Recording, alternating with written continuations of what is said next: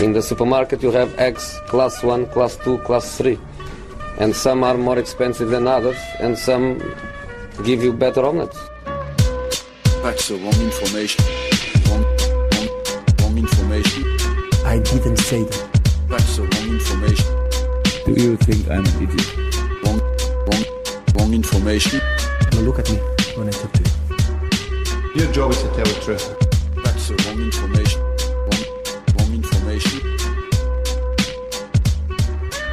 Sillypodden tillbaka denna torsdag. Mycket har hänt sen vi pratades vid senast. Och eh, Kalle Karlsson har jag med mig här i Sillypodden. Vi körde PL-podd precis, nu kör vi Sillypodd. Håller rösterna, håller våra stämband för detta tror du? Ja, vi får kämpa på. Vi får se hur länge det bär. Hur är du på bänken när du är i VSK? Är du en sån här väldigt eh, verbal tränare alla Jens Gustafsson i Norrköping eller är du lite mer tillbakadragen? Är du som sköter Nej, liksom? nog mitt emellan. Ja. Så att, Eh, jag är inte sån som står tyst och jag är inte sån som skriker hela tiden. Jag Är lite- lite mitt emellan. lite lagom förberedd för att prata på här i över två timmar, de andra ord. Blir perfekt. Eh, tänker vi börja i Italien, tycker jag. För att där har vi ju lite svensk koppling genom att vi har en viss Zlatan Ibrahimovic där. Han gjorde två mål mot Sassuolo nu i helgen. Milan går som tåget, bara en sån sak är förvånande. Och Milanledningen Milan-ledningen verkar också tycka att det har gått som tåget med Stefano Pioli på tränarbänken. För nu är det klart att han blir faktiskt kvar i Milan. Han får förlängt kontrakt till 2022.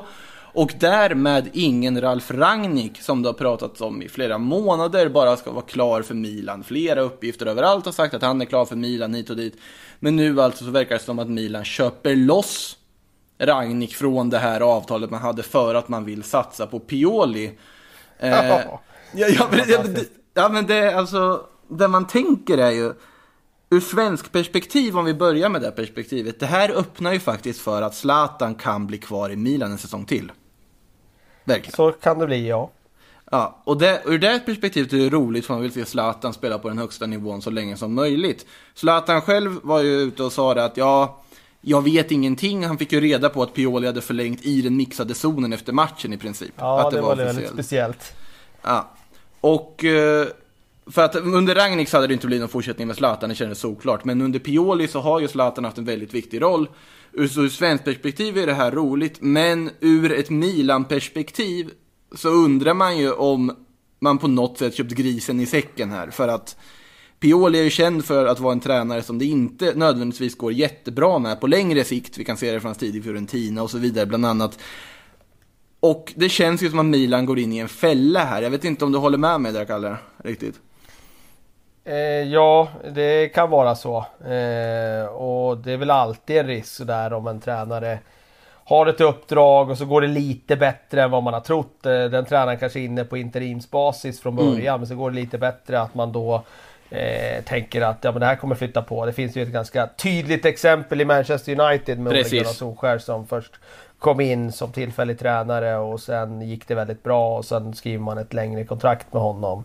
Och kanske förhastar sig lite i det. I alla fall där och då så får vi se vad det mynnar ut i då. Men eh, det, det kan vara så att de gör det i det här fallet. Men sen det är så svårt att bedöma. Jag kan inte Pioli i detalj så. Jag vet bara att har varit runt i typ varenda italiensk klubb. Exakt, och, mer- mer eller och, mindre, ja. Och, och eh, varit i flera stora klubbar som Lazio och Inter och, och nu Fiorentina såklart och, och Milan och så vidare. Men, men eh, det är så svårt att säga. Det är också så svårt och nyckfullt med tränare. Det kan funka i en klubb och så kommer man till nästa klubb och där är kulturen en annan och där funkar det inte liksom. Och det, det, det går inte att säga egentligen om det kommer gå bra eller dåligt eller om man gjort rätt eller fel. Det, tiden får utvisa.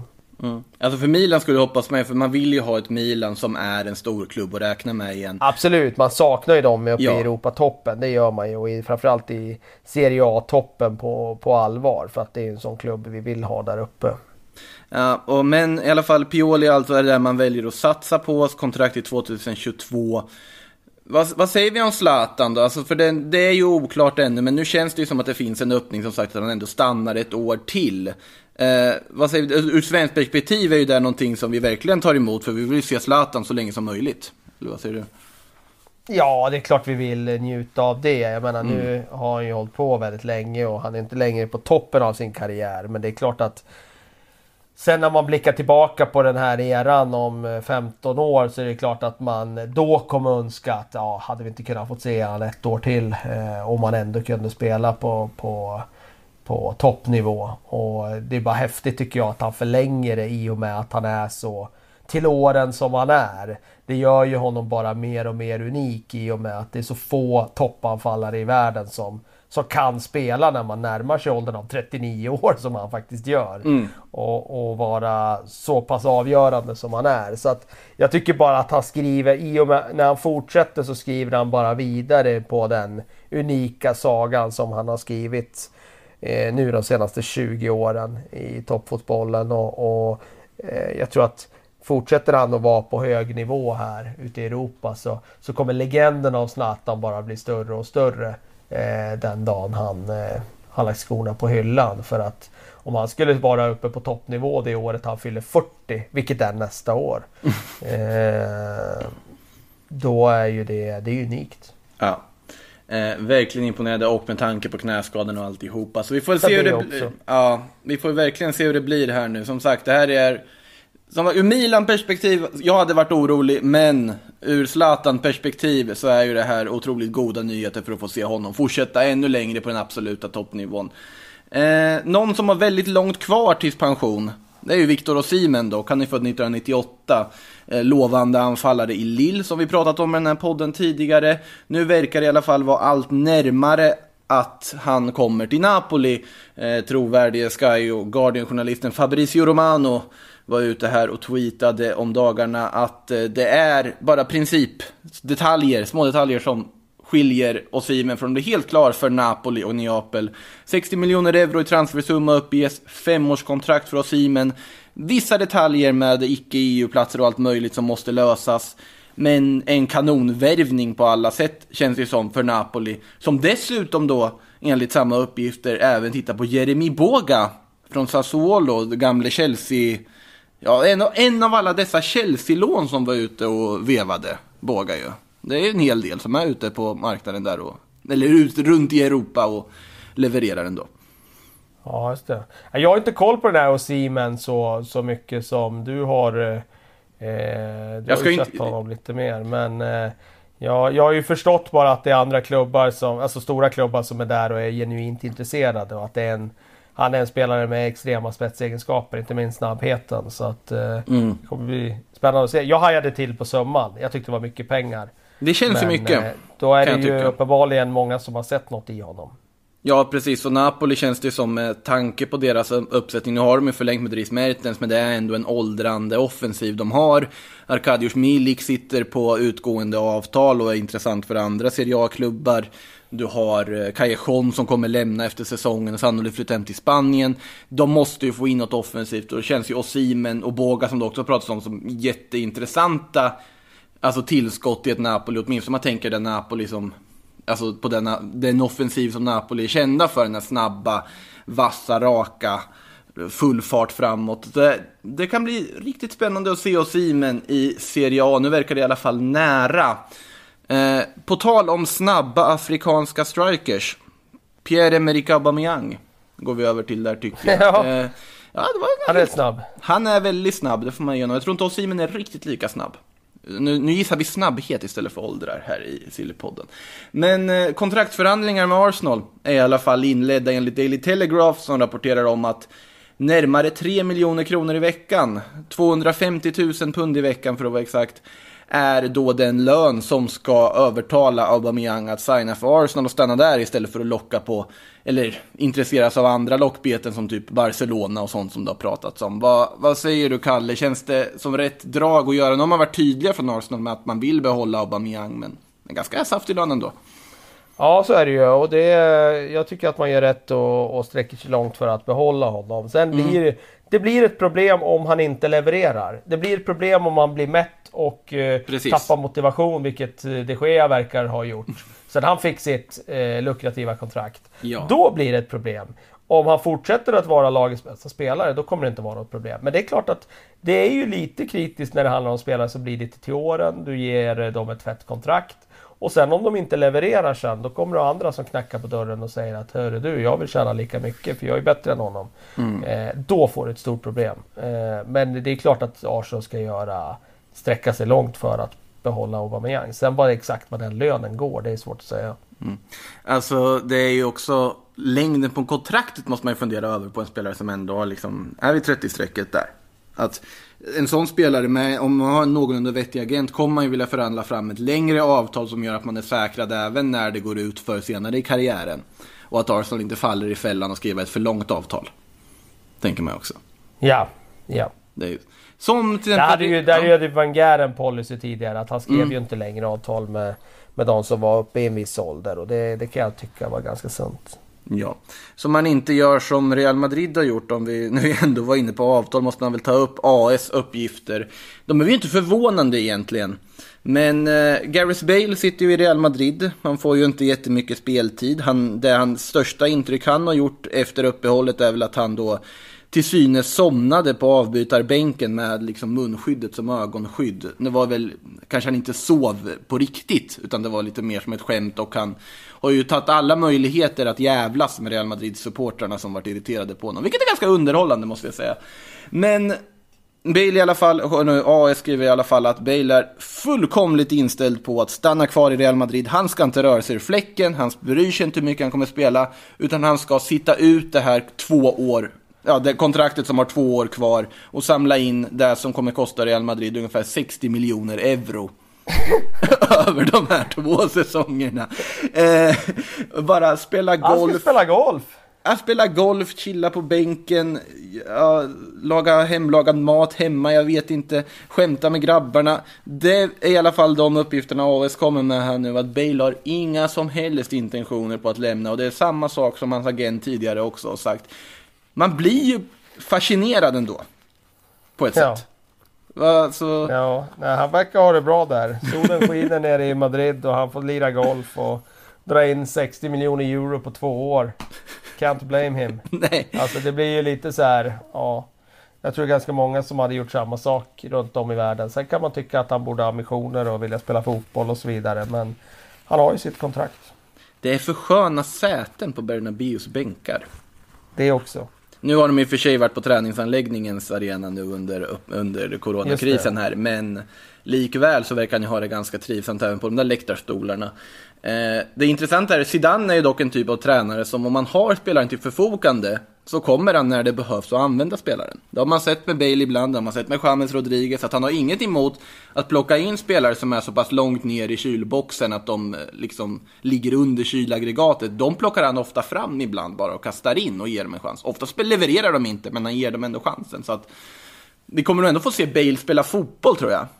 Men sen är frågan i vilken utsträckning. Så att, eh, men det, det är också en liten pass. Vi behöver inte prata så mycket om Gareth Bale den här sommaren eftersom Real Madrid uppenbarligen inte verkar kunna bli av med honom. Så akta er när ni skriver på långa miljardavtal med fotbollsspelare. Eh, vidare, The Guardian skriver att Manchester City närmar sig en deal för Bournemouths Nathan Aki, faktiskt. Eh, runt 35 miljoner pund uppges han kosta då. Och detta efter att Chelsea, som, då, som har haft en klausul i och med att han då är Chelsea-fostrad, inte utnyttjade den klausulen man hade i vintras. Vad säger du Kalle om eh, Aki till Chelsea? De vill ju ha, eller till City menar jag. De vill ju ha en mittback i City. Känns Aki som rätt spelare? Eh, jag brukar säga Nathan Ake, men eh, det är möjligen att jag, jag har hört att det är Aki också. Jag sa också Aki för. Uh, ja, Okej. det, Ja, det är ett mysterium. öppet. Mysterium, Jag hans uttal. Ja. Men eh, jag är inte förvånad. Det är en spelande mittback. Det är en vänsterfotad mittback. Det är en eh, position som City definitivt behöver eh, förstärka. Eh, blev ju oerhört sårbara när Laporte blev skadad den här säsongen. Eh, det är ju en eh, summa som inte är hisnande. Det är små pengar i sammanhanget för Manchester City. Eh, jag tycker att det låter rätt rimligt. Jag tror att eh, Guardiola kan jobba rätt mycket med den typen av spelare. Få honom att foga honom in i det systemet och spela det spelet som, som man vill att spelarna ska göra i den rollen. Eh, och han har ju kvalitet, det är ju ingen tvekan om det. Ja, det har ju pratats även om Milan Skriniar från Inter och lite sånt också som tydligen ska vara up for sale där. Men det, Aki känns ju som ändå, alltså någon gång ska han ju flytta och nu verkar ju Bournemouth åka ur, ganska sannolikt. Och då blir det ju en flytt någonstans. Men jag tänker om man tittar på den säsongen han har gjort, är han fortfarande lika intressant som han var för ett år sedan?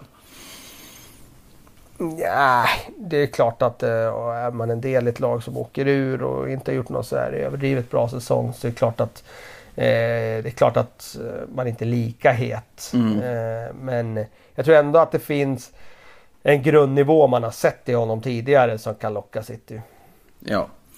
Eh, om vi, vi nämnde ju Chelsea lite där också. De behöver ju egentligen en mittback. Det pratar vi om i varenda gång vi slår på en poddspelare. De hade ju en i Ake som de själva Det hade de, som, som de hade en utköpsklausul på som de inte utnyttjade och som det nu verkar gå till City. Eh, men de tittar på offensivt istället i Chelsea, sedvanligt. Eh, Kai Havertz, måste vi dra en sån update här också. Det har ju sipprat ut lite nya uppgifter här om att det allt mer tyder på att det är just Chelsea som väntar för Kai Havertz. Detta då Bayern München öppet har sagt att de inte har pengarna för att finansiera en Havertz-värvning den här sommaren. Real Madrid har öppet sagt att de inte har pengarna att finansiera någon form av stora värvningar den här sommaren. Och United tittar på Jadon Sancho främst. Och då sitter ju Chelsea kvar. Och Havertz uppges ju då ha accepterat och tänkt så här, men jag kan nog tänka mig att spela för Chelsea ändå. Efter att eh, agent Antonio Rydiger bland annat har gjort sitt jobb där och promota klubben. Eh, och nu är det ju, verkar ju så att Leroy Sané i en intervju här efter, han är ju klar för Bayern München som ni alla vet. Och han då lyckades ju på något sätt säga här när han stod och pratade om tyskar i Premier League att ja men eh, Chelsea har ju värvat in Werner och Havertz nu så att det är ju många och så vidare och så vidare. Så frågan är, har Leroy Sané misstagligen outat att Havertz-värvningen verkligen är på gång? Ja, det verkar ju diskuteras kring det där på Twitter. Vissa säger att han inte har gjort det för att de har ställt frågan på ett visst sätt och så vidare. Och vissa hävdar att han kanske sa lite för mycket. Men eh, nej, jag tror inte det är fastslaget att han har outat det än i alla fall. Så vi får nog avvakta och se där lite grann i alla fall. Däremot är det ju ingen tve, tvekan om att, eh, att det är någonting i görningen där. Det är ju Ja. uppgifter som har kommit under de senaste veckorna som tyder i den riktningen. Så att eh, det kan ju det kan ju gå inom ganska kort komma något eh, mer eh, Konkret, ja. konkret där. Mm. Uppgifterna säger också att Chelsea har ju dock inte spelat klart säsongen än. Att man efter det ska sätta sig i någon sorts mötesrum, ta upp, en, eh, ta upp ett Excel-ark och titta, okej, så här mycket pengar har vi att jobba med, det här ska vi lägga pengarna på. I Havertz fall så finns det ju en ganska alltså, bestämd summa på att han kommer kosta runt 80-90 miljoner pund, det vill säga närmare en miljard, att värva. Och det är ju väldigt mycket pengar för Ja, ett lag som redan har värvat för väldigt mycket pengar och dessutom verkligen behöver förstärka på andra områden. Vad säger du Kalle? Alltså, jag är ju, Havertz är ju en unik talang till att börja med. Man förstår verkligen varför Chelsea vill ha honom. Men är inte det här ett läge, med tanke på att det andra klubbar inte kan värva heller, ska man inte ändå prioritera annat? Jo, det kan man tycka. Sen behöver ju inte det ena utesluta det andra om man lyckas eh, få iväg spelare som man får en del pengar för. Det, får återstå, det återstår ju att se lite hur det där pusslet läggs. Ja. Men eh, det, det är klart att man kan tycka utifrån att man borde lägga stora pengar på en mittback istället. Men man vet inte hur diskussionerna har gått där. Om man bedömer att någon går att få loss och så vidare. Jag upplever att mittbackar är en enorm brist på på marknaden. Så det är väldigt få. Och de som finns, de håller klubbarna väldigt hårt i. Eh, det är inte så många som kommer underifrån heller som har alla de där egenskaperna för att gå in och ta befäl försvar direkt. Så att, eh, ja, det är svårt. Det är komplext eh, just nu att hitta mittbackar och jag tror det är enklare att hitta bra offensiva spelare. Mm. Vad räknar man en wingback som idag? Skulle du säga att en defensiv eller offensiv spelare, eller både och? Ja, det, beror, det kan vara både och. Det beror på lite hur laget spelar. Spelar man med en fembackslinje blir det en defensiv spelare. Men du kan ju spela med en wingback som är lite högre upp och då kan det ju vara en mer offensiv spelare.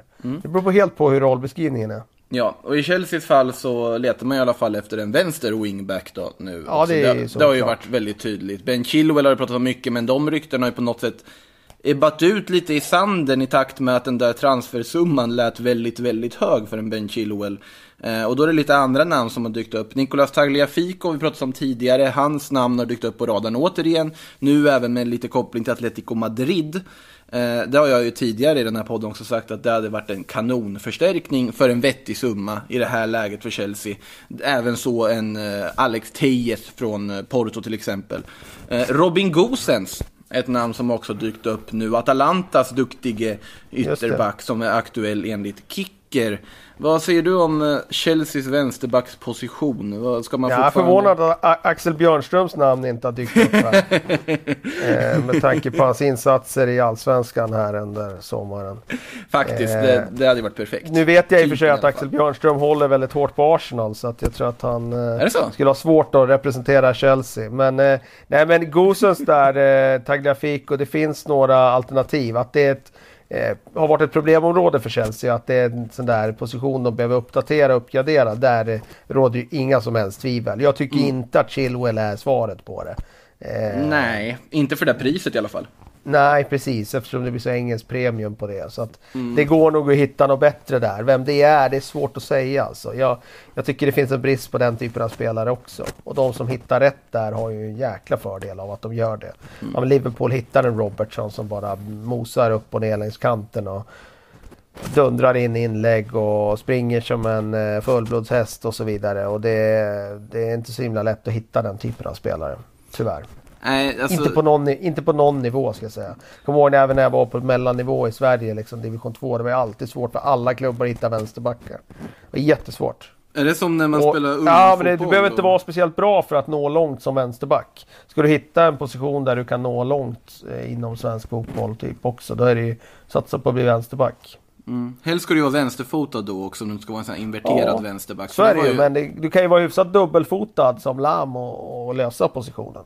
Så är det ju. Nej men det var ju, minns jag när man spelade knattefotboll, då var det ju liksom vänsterbacken. Då var det ju alltid den, den en, en av få vänsterfötter man hade i laget som fick stå där ute. Liksom. ja, just det. Så det är väl sam, samma här. Men ta, både Tagliafico och Alex Tejes är ju jag är ju förvånad över att de inte har gått till Europa, eller Europa är de i, men till någon större liga tidigare. För det har pratats om ganska många år borta, Tagliafico i Ajax och Tejes i Porto, att det är spelare som skulle kunna gå in och liksom förstärka på just den positionen och är så pass duktiga på den positionen och visat det så många säsonger i rad att och att dessutom Tagliafico finns för det billiga priset. Han kostar väl bara drygt 200 miljoner kronor nu. I det här läget. Han har väl kommit lite till åren, han är typ 27 någonting. Men där, där ser jag fortfarande att där finns det ett fynd att göra för klubbar som letar efter ytterbackar. Eh, nu är det ju mycket Chelsea. Och det blir det ju för att det är så mycket som händer kring Chelsea just nu. Och det är ju för att det finns både att man jagar alla dessa offensiva spännande namn och att man har så otroligt många brister i defensiva linjer man måste åtgärda. Och eh, Kepa Arrizabalaga har vi varit inne på tidigare i denna podd och i andra poddar och i alla möjliga sammanhang. Eh, och nu har ju även de brittiska tidningarna hängt på det där också om att eh, Chelsea måste verkligen byta ut Kepa. Och de siktar ju högt. För eh, förra veckan då var det Jan Oblak som kopplades till Chelsea. Där har nu kommit uppgifter om att Atletico vill ha, ja okej varsågod, försök buda på Oblak om ni vill, men då får ni betala utköpsklausulen som ligger på över en miljard. Och det tror jag inte händer. Så då är ju nästa uppgift då, som Daily Mail har tagit fram, att Chelsea nu vill göra det omöjliga att värva Mark-André Ter Stegen från Barcelona. Alltså, ska de inte sikta på någonting mer realistiskt ändå? Sikta på något billigare, det är en klassisk kommentar från SOS Sällskapsresan. eh, och eh, den kanske är passande här.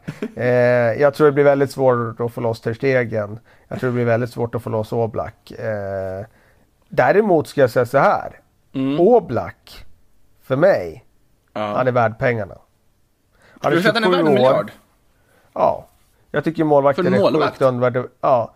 Målvakter är tvärtom. Marknaden undervärderar alltid en målvakts betydelse. En målvakt är så otroligt betydelsefull. Kolla på Liverpool och får in rätt målvakt. Ja, det är ingen slump att de erövrar Europa, vinner ligan. Hade du gjort det med att hängt en, en eh, slips i ribban som hade liknat liksom Mignolet eller så? Nej, förmodligen inte liksom. Eh, jag, jag skulle säga så här att alla klubbar behöver värdera upp betydelsen av en riktigt bra målvakt.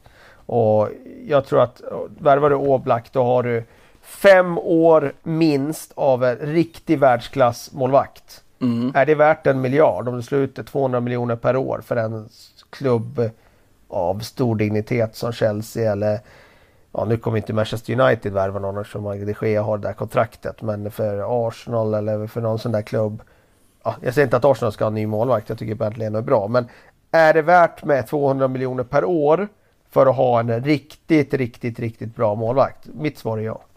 Alltså jag tänker då direkt på just vad du nämnde ju de Gea. För där har du ju en målvakt som när han värvades in var riktigt, riktigt, riktigt bra. Eh, men När han sen- värvades som ung från Atletico menar du? Ja, och sen även när han förlängde kontraktet så var han ju fortfarande riktigt, riktigt bra. Ja men han hade börjat dippa då. Ja, fast det var ju fortfarande en väldigt Det är ju inte på den nivån nu som man börjar prata om att United Nej, spelar Dean men Henderson istället. farhågorna fanns ändå att hans form hade börjat dippa lite grann faktiskt. Mm. Ja, kanske. Ja, jag... Men sen han, var ju, han var ju väldigt lovande när han värvades från Atletico men han var ju inte färdig då, det var ju inte. Nej, Han var ju väldigt vek i luftrummet när han kom till England. Han flög ju som en vante där i första matcherna. Mm. Men eh, sen byggde han ju på sig rätt rejält och blev starkare och större. Och, och då klarade han ju av luftspelet på ett helt annat sätt. ja. Nej, men för jag ser ju snarare problemet att Chelsea gjorde ju just det med tanke på att de ville sätta en bra målvakt och värvade Kepa för de pengarna de gjorde. Där verkar de ju, vad det ser ut nu, ha prickat väldigt fel. Men jag tror inte de kommer våga lägga stora pengar på en målvakt igen, även om de liksom mer och mer börjar se ut som att de faktiskt måste göra någonting åt det. Och Nej, jag förstår vad Och sen menar. vet man inte jag, jag, jag säger inte att jag tror att de gör det. Jag säger bara Nej, att jag, jag, jag, menar att klubbar behöver värdera upp målvakter mer än vad man gör. Det är det är ju, det har ju skrivits i den här boken Soccernomics eh, Mm. med hur, hur eh, målvakter är liksom undervärderade och det, det är ju tydligt att de har varit det. Mm. Nej, där kan jag hålla med dig, men jag tänker just i fallet Oblak också. Nu, det här kommer vara en klyscha, men att ta in en målvakt som heller inte har spelat i Premier League. För Kepa var, alltså, han var ju inte, han var ju naturligtvis inte Oblak-nivå när han gick, men han var fortfarande en riktigt bra målvakt i Athletic. Ja. Och att man, jag tror ja, jag, jag är inte lika säker på om man ska betala en sån. Nu är ju Oblak fantastisk och jag tror att han skulle göra det fantastiskt i Chelsea. Och Chelsea har haft lycka med att plocka från Atletico förr. Jag tänker på Courtois då. Eh, men, ja. Vad säger, vad säger du annars då, om vi bortser från de stora namnen? Ser du någon målvakt som skulle kunna... Tycker du att Chelsea ska byta målvakt till att börja med? Ah, jag vet inte. Alltså det är svårt det där. Eh, Kan han bli bättre? Ja, det kan han ju såklart bli. Mm. Eh, kommer han bli det? Det vet vi inte. Det är klart att jag hade ju gärna bytt. Sen om det är värt en miljard för att byta. Eh, ja, jag tror att det är det. Bero, alltså jag tror att laget skulle bli mycket bättre. Mm. Sen vet jag inte om det är eh, liksom rätt tidpunkt. Förstår du vad jag menar? Alltså, Ja. Ska han få ytterligare en säsong och bevisa eller, och, och att man då tar beslutet? Och där att- säger ju fortfarande jag ja, i alla fall. Han... Ja, jag tycker nog också kanske att Kepa ska få ytterligare en säsong på sig. Mm. Men eh, funkar det inte då så då är det definitivt eh, en position som man skulle kunna uppgradera. Det är det ju redan idag. Sen är det ju frågan om, om man väljer att göra det. Jag tror inte att man gör det. Eh, men jag tror för vilken klubb som helst som skulle lägga en miljard på Oblak om vi tar någon av de största klubbarna som idag inte har en tillfredsställande målvaktssituation. Mm. Så ska jag säga så här, ja de kommer att få bra betalt för per investerad krona. Mm. Nej, jag ser väl snarare då att man kanske ska gå för någon form av quick fix lösning och sätta någon som kan, det har vi också pratat om tidigare, att eh, ge Kepa ordentlig konkurrens. Jag tycker om Willy Caballero, men han kommer aldrig ge Kepa en konkurrens som första spaden. Att ta in typ Alfonso Areola vars eh, låneavtal med Real går ut nu, som tillhör Paris. Det hade till exempel varit en ganska smart värvning. Ha en målvakt som håller god nivå, men som också kan ge Kepa en match och faktiskt peta Kepa ifall det inte skulle funka nu under hösten. Och skulle acceptera bänk. Ja. Mm. Men eh, vi får väl se vad Chelsea hittar på där. Eh, nämnde ju Ter Stegen och då kan man ju, det är ju en av de spelare som känns som, alltså outbytbara i Barcelona. Och det är faktiskt ganska få spelare som känns outbytbara i Barcelona just nu. För att även om de har gjort sin bytesaffär där de har tagit in Pjanic och skickat iväg Artur så fortsätter det ryktas om Barcelona-spelare som ska hit och dit runt om i fotbolls-Europa. Eh, ett exempel på ett bytesaffär som pratas om Matteo Guendouzi mot Coutinho. Bara dök upp från Du bara skrattar här liksom.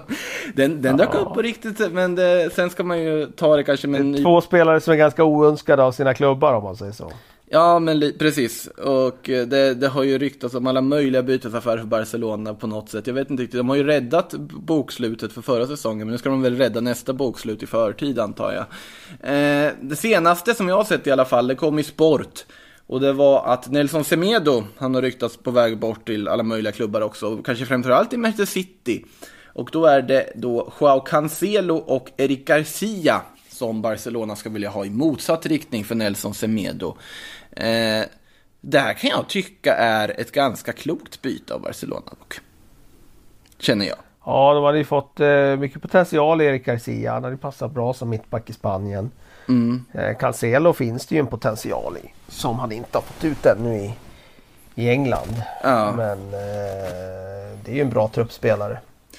Semedo trodde man väl mycket på när man värvade honom. Men han har inte riktigt exploderat. Alltså han har väl varit, han är väl lite svajig bakåt. Om vi säger så. Han har ju offensiva kvaliteter och så. Men sen är ju det konstiga där att hur han matchades av Ernesto Valverde under den tiden. Valverde var tränare ganska underligt också. Att det var ofta så att det var en ganska liksom, genomgående trend med Valverde som tränare. Att de spelare premierades inte för att ha gjort bra insatser.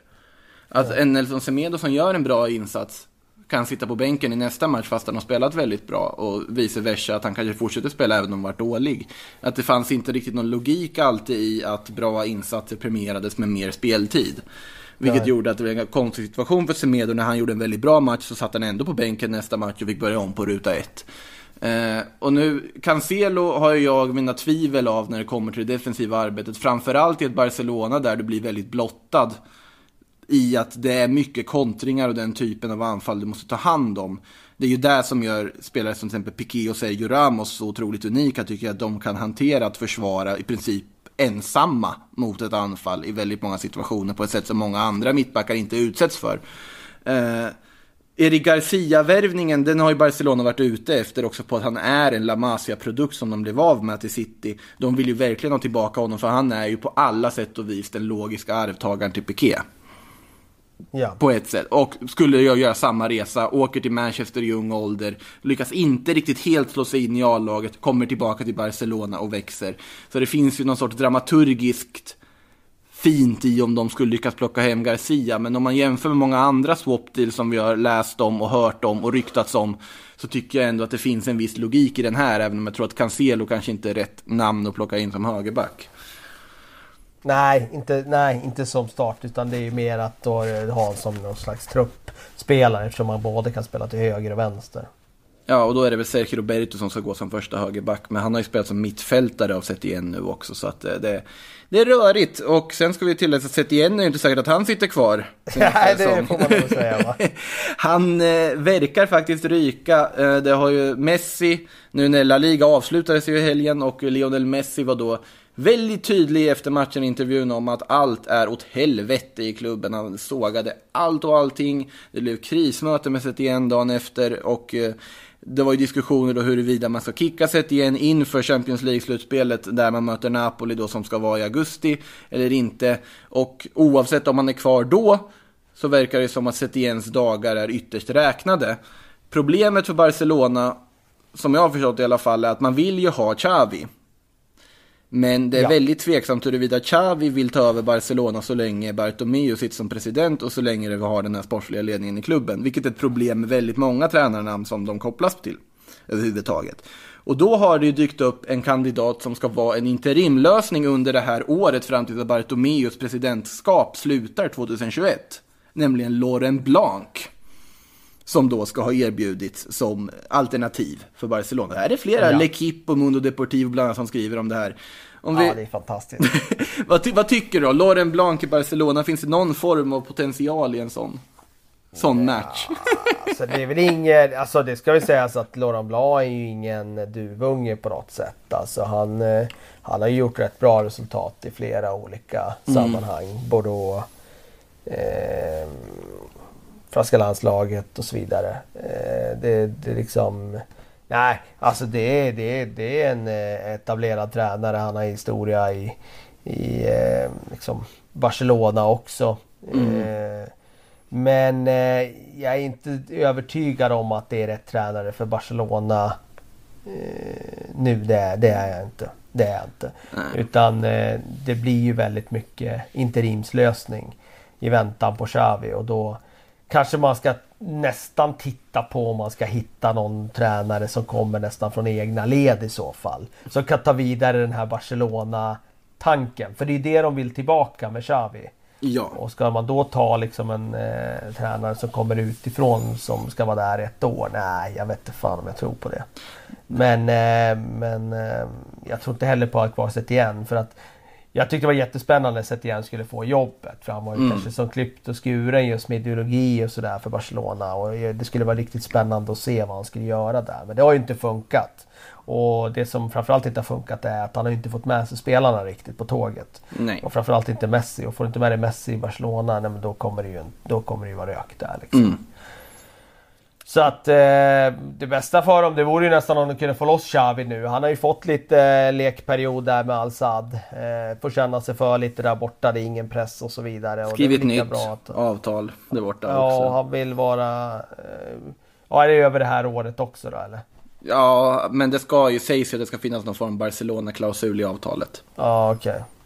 Eh, nu har han ju fått Santi Cazorla att leka med dessutom. Han är ju klar för Ja, du ser. efter Villarreal. Så att, eh, Ja, då har han ju lite att latcha med. Nej, men jag tror att han känner också det som du har sagt där med att han, han vill inte vara där när Bartomeu håller på med sina cirkuskonster där i Barcelona. Nej. Vad ska han dit för? Eh, det, det, då riskerar han ju bara att svärta ner sitt eget namn. Och då blir det bara kaos. Så jag tror att han väntar bara in att Bartomeu lämnar. För att eh, man får nästan känslan av att Bartomeu är utplacerad av Florentino Perez för att skapa kaos i Barcelona. Och i så fall har han gjort ett alldeles utmärkt jobb i den klubben får man ju säga. Då är det bara att lyfta på hatten till fullbordat verk. För att eh, eh, det sättet som den klubben har drivits på med de resurserna och de eh, förutsättningarna som de har haft sett till trupp och storlek på klubb, dragningskraft och allting. Då är det helt otroligt att de inte har vunnit flera Champions League-titlar de senaste decenniet än vad de har gjort. Ja, det, är, det är otroligt hur man kan på något sätt, jag, det jag tycker nästan är otroligt att hur de med den här ledningen ändå har lyckats vara med och vinna titlar. Alltså, och det säger ju en del om hur frukt... Kapaciteten i, ja, kapaciteten i spelartruppen ändå är. Ja, jag tänkte snarare kapaciteten hos Lionel Messi. Ja, ja exakt. Ja, exakt. Den- så kan man ju det- säga. Men det är, han är ju en del av spelartruppen. Ja, så är det. Ja, nej men visst så är det ju. Så Ja. är det ju. Sen har de ju en del andra rätt bra spelare också. Jag menar, det, de är inte kattskit de runt omkring. Men det är klart att Messi har burit dem så otroligt mycket de senaste åren. Och eh, jag kan liksom inte hänga Ernesto Valverde när han vinner ligan på en jävla liksom, tråkfotboll för att vara Barcelona. Men han insåg ju att det här är enda sättet att vinna här nu, det är att spela på det här sättet. Och han vann. Eh, De har inte längre eh, liksom, förmågan att vinna på det sätt som de gjorde tidigare. Men det är för att de inte har genomfört någon generationsväxling. De springer runt med ett trött gäng liksom. Ja. Nej, det är intressanta tider i Barcelona kan man ju lugnt konstatera. Patrik Kluivert har också nämnts i alla de här diskussionerna. För han sitter ju där i någon sorts eh, sportlig rådgivarroll och då skulle gå in som en interimlösning också. Totalt oprövad som tränare där. Det, det hade varit intressant med. Eh, men det har ju skett andra tränarrörelser i Spanien, tänker vi kan ändå gå in på dem, för det är ändå lite intressanta tränarrörelser. Eh, Laurent Blanc har ju kopplat kopplats samman med Valencia innan det här Barcelona-spåret dök upp. Nu verkar det dock som att Valencia tittar på ett helt annat namn som då ska vara nära, nämligen Xavi Gracia, gamla Watford-tränaren. Just det. Eh, vad känner vi spontant om det? Xavi Gracia, till, det känns ju inte helt perfekt. Till Valencia. Ja, Alltså jag måste säga att Javi Gracia gjorde ett jäkla bra jobb i, eh, i, eh, i Watford där. Eh, Jag är lite förvånad över att han fick gå. Eh, Jag är inte helt säker på att de är nöjd med det beslutet idag. Mm. Så att jag, jag är inte helt liksom sådär. Jag tycker nog att det, han kan absolut få jobbet där. Jag tycker att det låter lite spännande faktiskt. Jag tycker inte, av det jag har sett så, så, så är det ingen dum tränare. Mm. När vi ändå är inne på Premier League, spanjorer som vänder hem till moderlandet, eh, så sker ju det nu med Villarreal också. Så några dagar sedan så, lite förvånande, så väljer de att sparka Javi Calleja. Det är andra gången Calleja får lämna efter en längre Villarreal-session. Detta efter då att de har gjort en helt fantastisk sommar, tagit en Europa League-plats och en femteplats, som var över förväntan sett till inför säsongen. Eh, de kickar ändå Calleja nu, igen. Och de har då gjort klart med en ersättare som blev klar officiellt idag, nämligen Unai Emery, som går in och blir Villarreal-tränare. Det känns intressant dock, tycker jag. Ja, gamle Unai stiger in. Eh, han är ju inte så eh, uppskattad längre i Arsenal-leden. Eh, de tycker ju att han fipplade bort dem där och har väl eh, bjudit på en del uttalande efterhand där. där låter lite bitter kanske, jag vet inte. Men eh, i Spanien har han ju högt anseende efter sina år i Sevilla. Och eh, ja, eh, det är väl ingen dum eh, rekrytering sett till vad han har gjort tidigare i Spanien. kanske bara var så att det var en språklig grej som gjorde att han fick svårt i England. Eh, Good evening. Eller definitivt svårare i alla fall. Och sen Eh, säkert massa andra anledningar också. Men Eh, Spanien är ju hans hemmaplan och jag tror att han är lite mer trygg där. Ja, och sen Villarreal ska spela Europa League igen nu också. Du har en eh, Unai som har vunnit tre med Sevilla. Eh, Calleja finns det i någon form och det ändå känns som att det finns någon form av gräns på honom. Han gör ett gediget jobb men de når aldrig liksom nästa steg med Unai Emery på tränarbänken när de ändå måste bygga om när Santi Cazorla och så vidare försvinner. Jag tror det kan bli ganska bra det där ja. Eh, ska bli intressant att se vad de gör nu under transferfönstret också, Villarreal. Eh, har ju pratat lite om Dani Parejo. Just det. Det har varit pratat om David Silva också, väldigt lösa rykten. Eh, Men Dani Parejo, Valencia-kaptenen, han verkar ju då bli borttvingad från Valencia, för de har gjort klart då enligt uppgifter i trovärdiga Cadena Ser att eh, han finns på listan över de spelare de vill göra sig av med när de ska bygga nytt, ja kanske under Javi Gracia då i Valencia. Och att då har det ju såklart varit massa La Liga-klubbar som är intresserade, bland annat Sevilla, Atletico Madrid, Real Betis och Villarreal har även dykt upp på ett litet hörn. Eh, Parejo ska ju dock själv inte vilja lämna. Och dessutom så ska det ju vara så att eftersom han är ganska gammal nu, hans kontrakt går ut 2022, så kommer han inte heller vara så dyr. Vad, vad säger du från det du känner till om Dani Parejo? Känns det som, om vi börjar så här, hade det varit någonting för någon klubb utanför Spanien? Eller är det Spanien han ska hålla till i? Ja, det är ju en klassspelare i sina bästa stunder. Det är klart att han, om han hade hittat rätt miljö, hade kunnat tillfört för väldigt många klubbar i alla möjliga ligor. Sen känns det väl ändå som en sån där spelare som passar rätt bra i Spanien. Det gör ju det. Ehm, däremot så blir jag inte förvånad heller över att det här sker i Valencia. De har ju en historia av att det är lite kaos där. Kom ihåg, det här är väldigt länge sedan. Och de som är unga, eller kanske för unga, får komma ihåg det här. Men det är en klassisk presskonferens där kaptenen David Albelda ska få beskedet att han ska få lämna Valencia liksom. Och sen eh, eh, sitter han och gråter på den där presskonferensen över det. Och sen får de backtracka för det och sen stannar han kvar i alla fall. Och det är liksom, men det är Valencia. Där, Mm, det där är Valencia i ett nötskal. Ja. Eh, och i år har det varit extra stökigt då när eh, ägarfamiljen där Lim har eh, spårat ur ganska rejält och det har varit tränarbyten och det har varit hej och hå. Och man missar dessutom Europa ska också tilläggas efter den sista omgången. Och Parejo kanske då på väg bort. Eh, Sevilla såklart intresserade som sagt i och med också att Ever Banega försvinner därifrån. Det hade ju varit jätteintressant att se Parejo där under Lopetegui. Eh, Innan vi helt lämnar Spanien, så på tal om spelintelligenta spelare där borta, så vill jag ändå också lite kanske styrt av nationalitet nämna Takifusa Kubo. Eh, Mallorcas unga japan som är på lån från Real Madrid och har imponerat något oerhört då i Mallorca som åker ur. Nu pratas det om vilket lag han ska lånas ut till härnäst. Och då pratas det om Real Betis under Pellegrini. Det känns ju som ett perfekt lösning, eller? Ja, jag vet inte. Jag har inte koll på den här killen. Så att du får Du har inte sett Kubo? själv om det. Nej, Ja, då har du jag, missat jag har inte något. koll på honom. Nej, det, Eh, så att jag, jag, jag lämnar helt till dig att bedöma om det är eh, perfect match i Real Betis. Nej, Kubo, för er som inte har koll på Kubo så är det ju då, för, för det första är det Real Madrids första japan. Eh, och han hämtades ju då gratis från Japan när då, helt enkelt, han är ju fostrad i La Masia en gång i tiden. Och eh, det var ju han som var en av anledningarna till att Barcelona fick sitt transferförbud. Och då fick han flytta tillbaka till Japan för att de hade värvat en minderårig spelare som inte var enligt reglementet. Och sen hade då Barcelona missat datumet för när han fyllde 18 och fick komma tillbaka. Vilket gjorde att Real Madrid gick in och snodde åt sig honom. När Barcelona inte var med på det. Han imponerade på försäsongen, lånades ut till Mallorca där han startade lite trevande men sen har varit deras absolut bästa spelare och hyllas vecka ut och vecka in för sina insatser. Otroligt lik en viss Lionel Messi, både sett till liksom ja, till viss del utseende och i spelstil och alltihopa. Och nu ska han ju lånas ut till nästa klubb. och Jag tror att ett steg upp ska han ju. Och då känns ju Betty som en klubb där han ändå kunde fått speltid. Han får en spel speltyp typ av fotboll, den skulle passa ganska bra. Så det kan bli riktigt spännande. Eh, vad säger du då, Kalle, om eh, Pierre-Emil Höjbjerg, på tal om något absolut helt annat? Eh, det sägs att Everton i alla fall har fått ett bud accepterat på honom. Eller rättare sagt Southampton har fått ett bud som de har accepterat från Everton.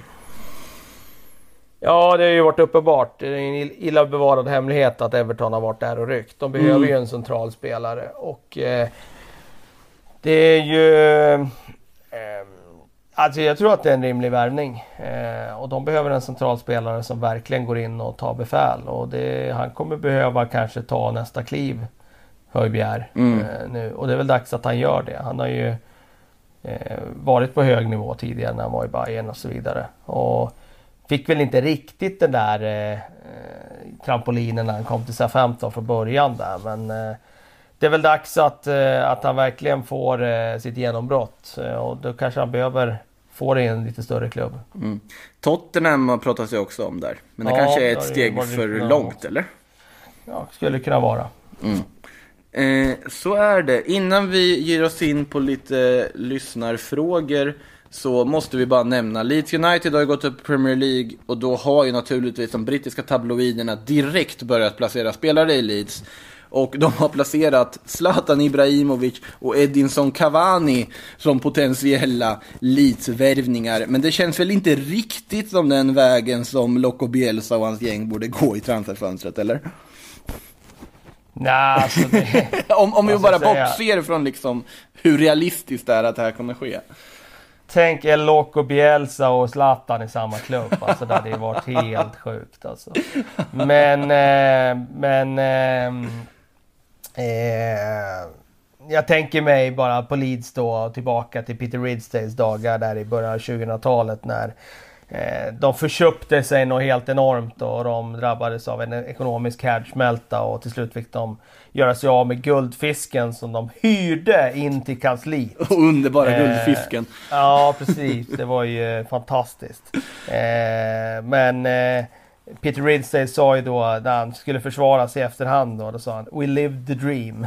Och jo tack, det gjorde de sannerligen. Och jag hoppas att Leeds inte går i samma fälla nu, att de ska leva drömmen genom att köpa Zlatan och Cavani. Visst, det låter sexigt där här och där, men jag ser nästan mer fram emot att Bielsa får komma upp och, och göra det med sina typer av gubbar som springer utav helvete och som eh, gör att han kan implementera även sina liksom sin filosofi ordentligt i Premier League snarare än att de ska köpa stora namn och sådär.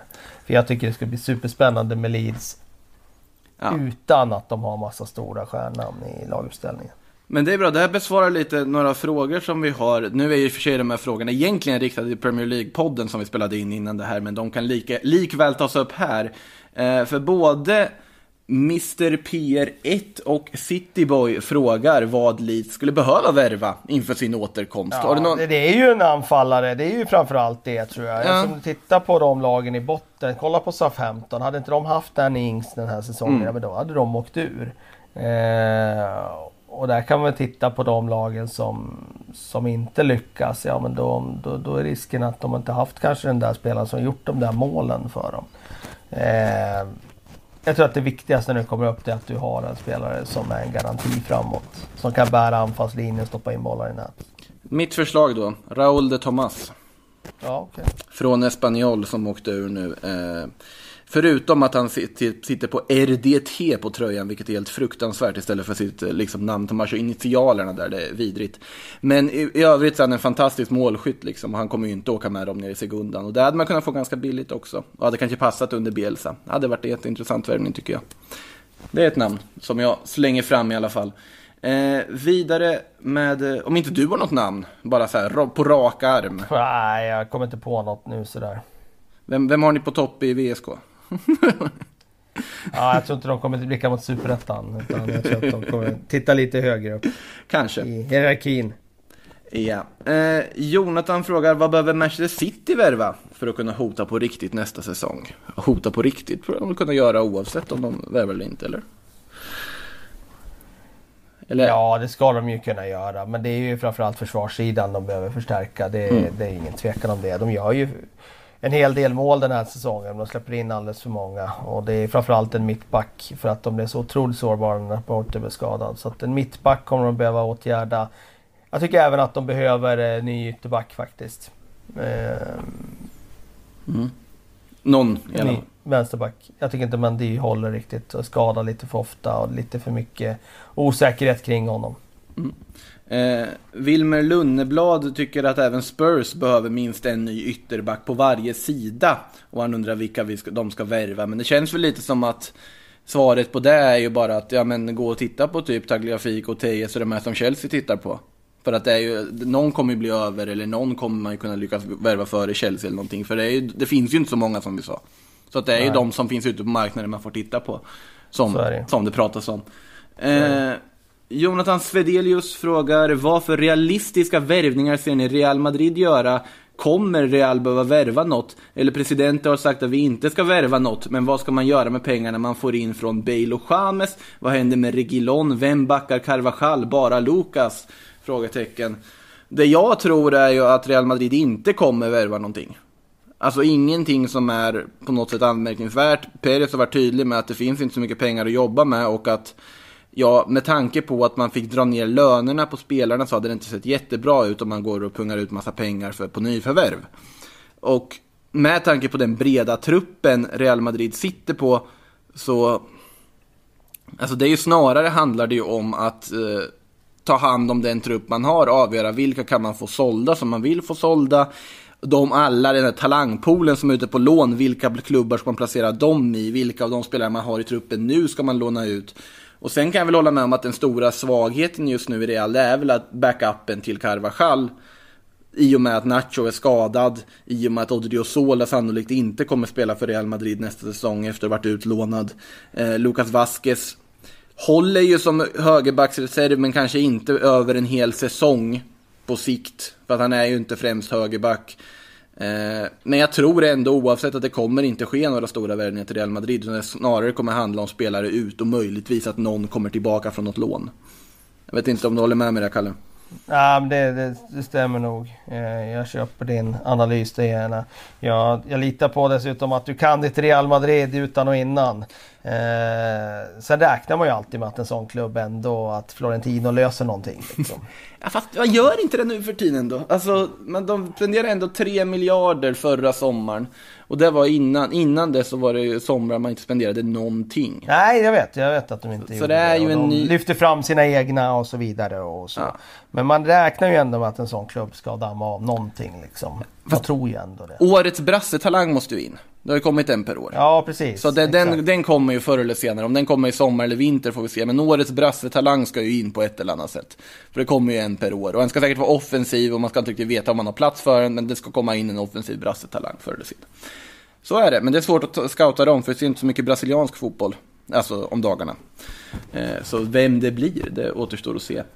Men det var nog allt vi hann för idag. Eh, Kalle, sedvanligt trevligt att prata med dig. Eh, och Ja. lycka till här med, vilka möter ni nu med VSK nästa match? Norrby på lördag. Uff, Spännande. Resa ner till västkusten då med andra ord. Ja, vi, vi har den hemma tack och lov. Så Ja, tack och lov, du slipper västkusten. Skönt för dig. Eh, så är läget. Alla ni som lyssnar, ni får ha en fortsatt trevlig avslutning på veckan. Så hörs vi snart igen. Ha det gott. Hej då. Facts are wrong information. Wrong, wrong, wrong information. I didn't say that. Facts are wrong information. Do you think I'm an idiot? Wrong, wrong, wrong information. Now look at me when I talk to you. Your job is to tell the truth. That's are wrong information. Wrong, wrong information. I'm not going to have you twisting everything I say. Twist, twist, twisting everything I say. So make that clear. No eggs, no honey. So make that clear.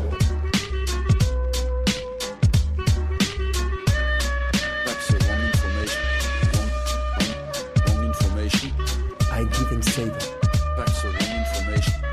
Do you think I'm an idiot? Wrong, wrong, wrong information. Now look at me when I talk to you. Your job is to tell the truth.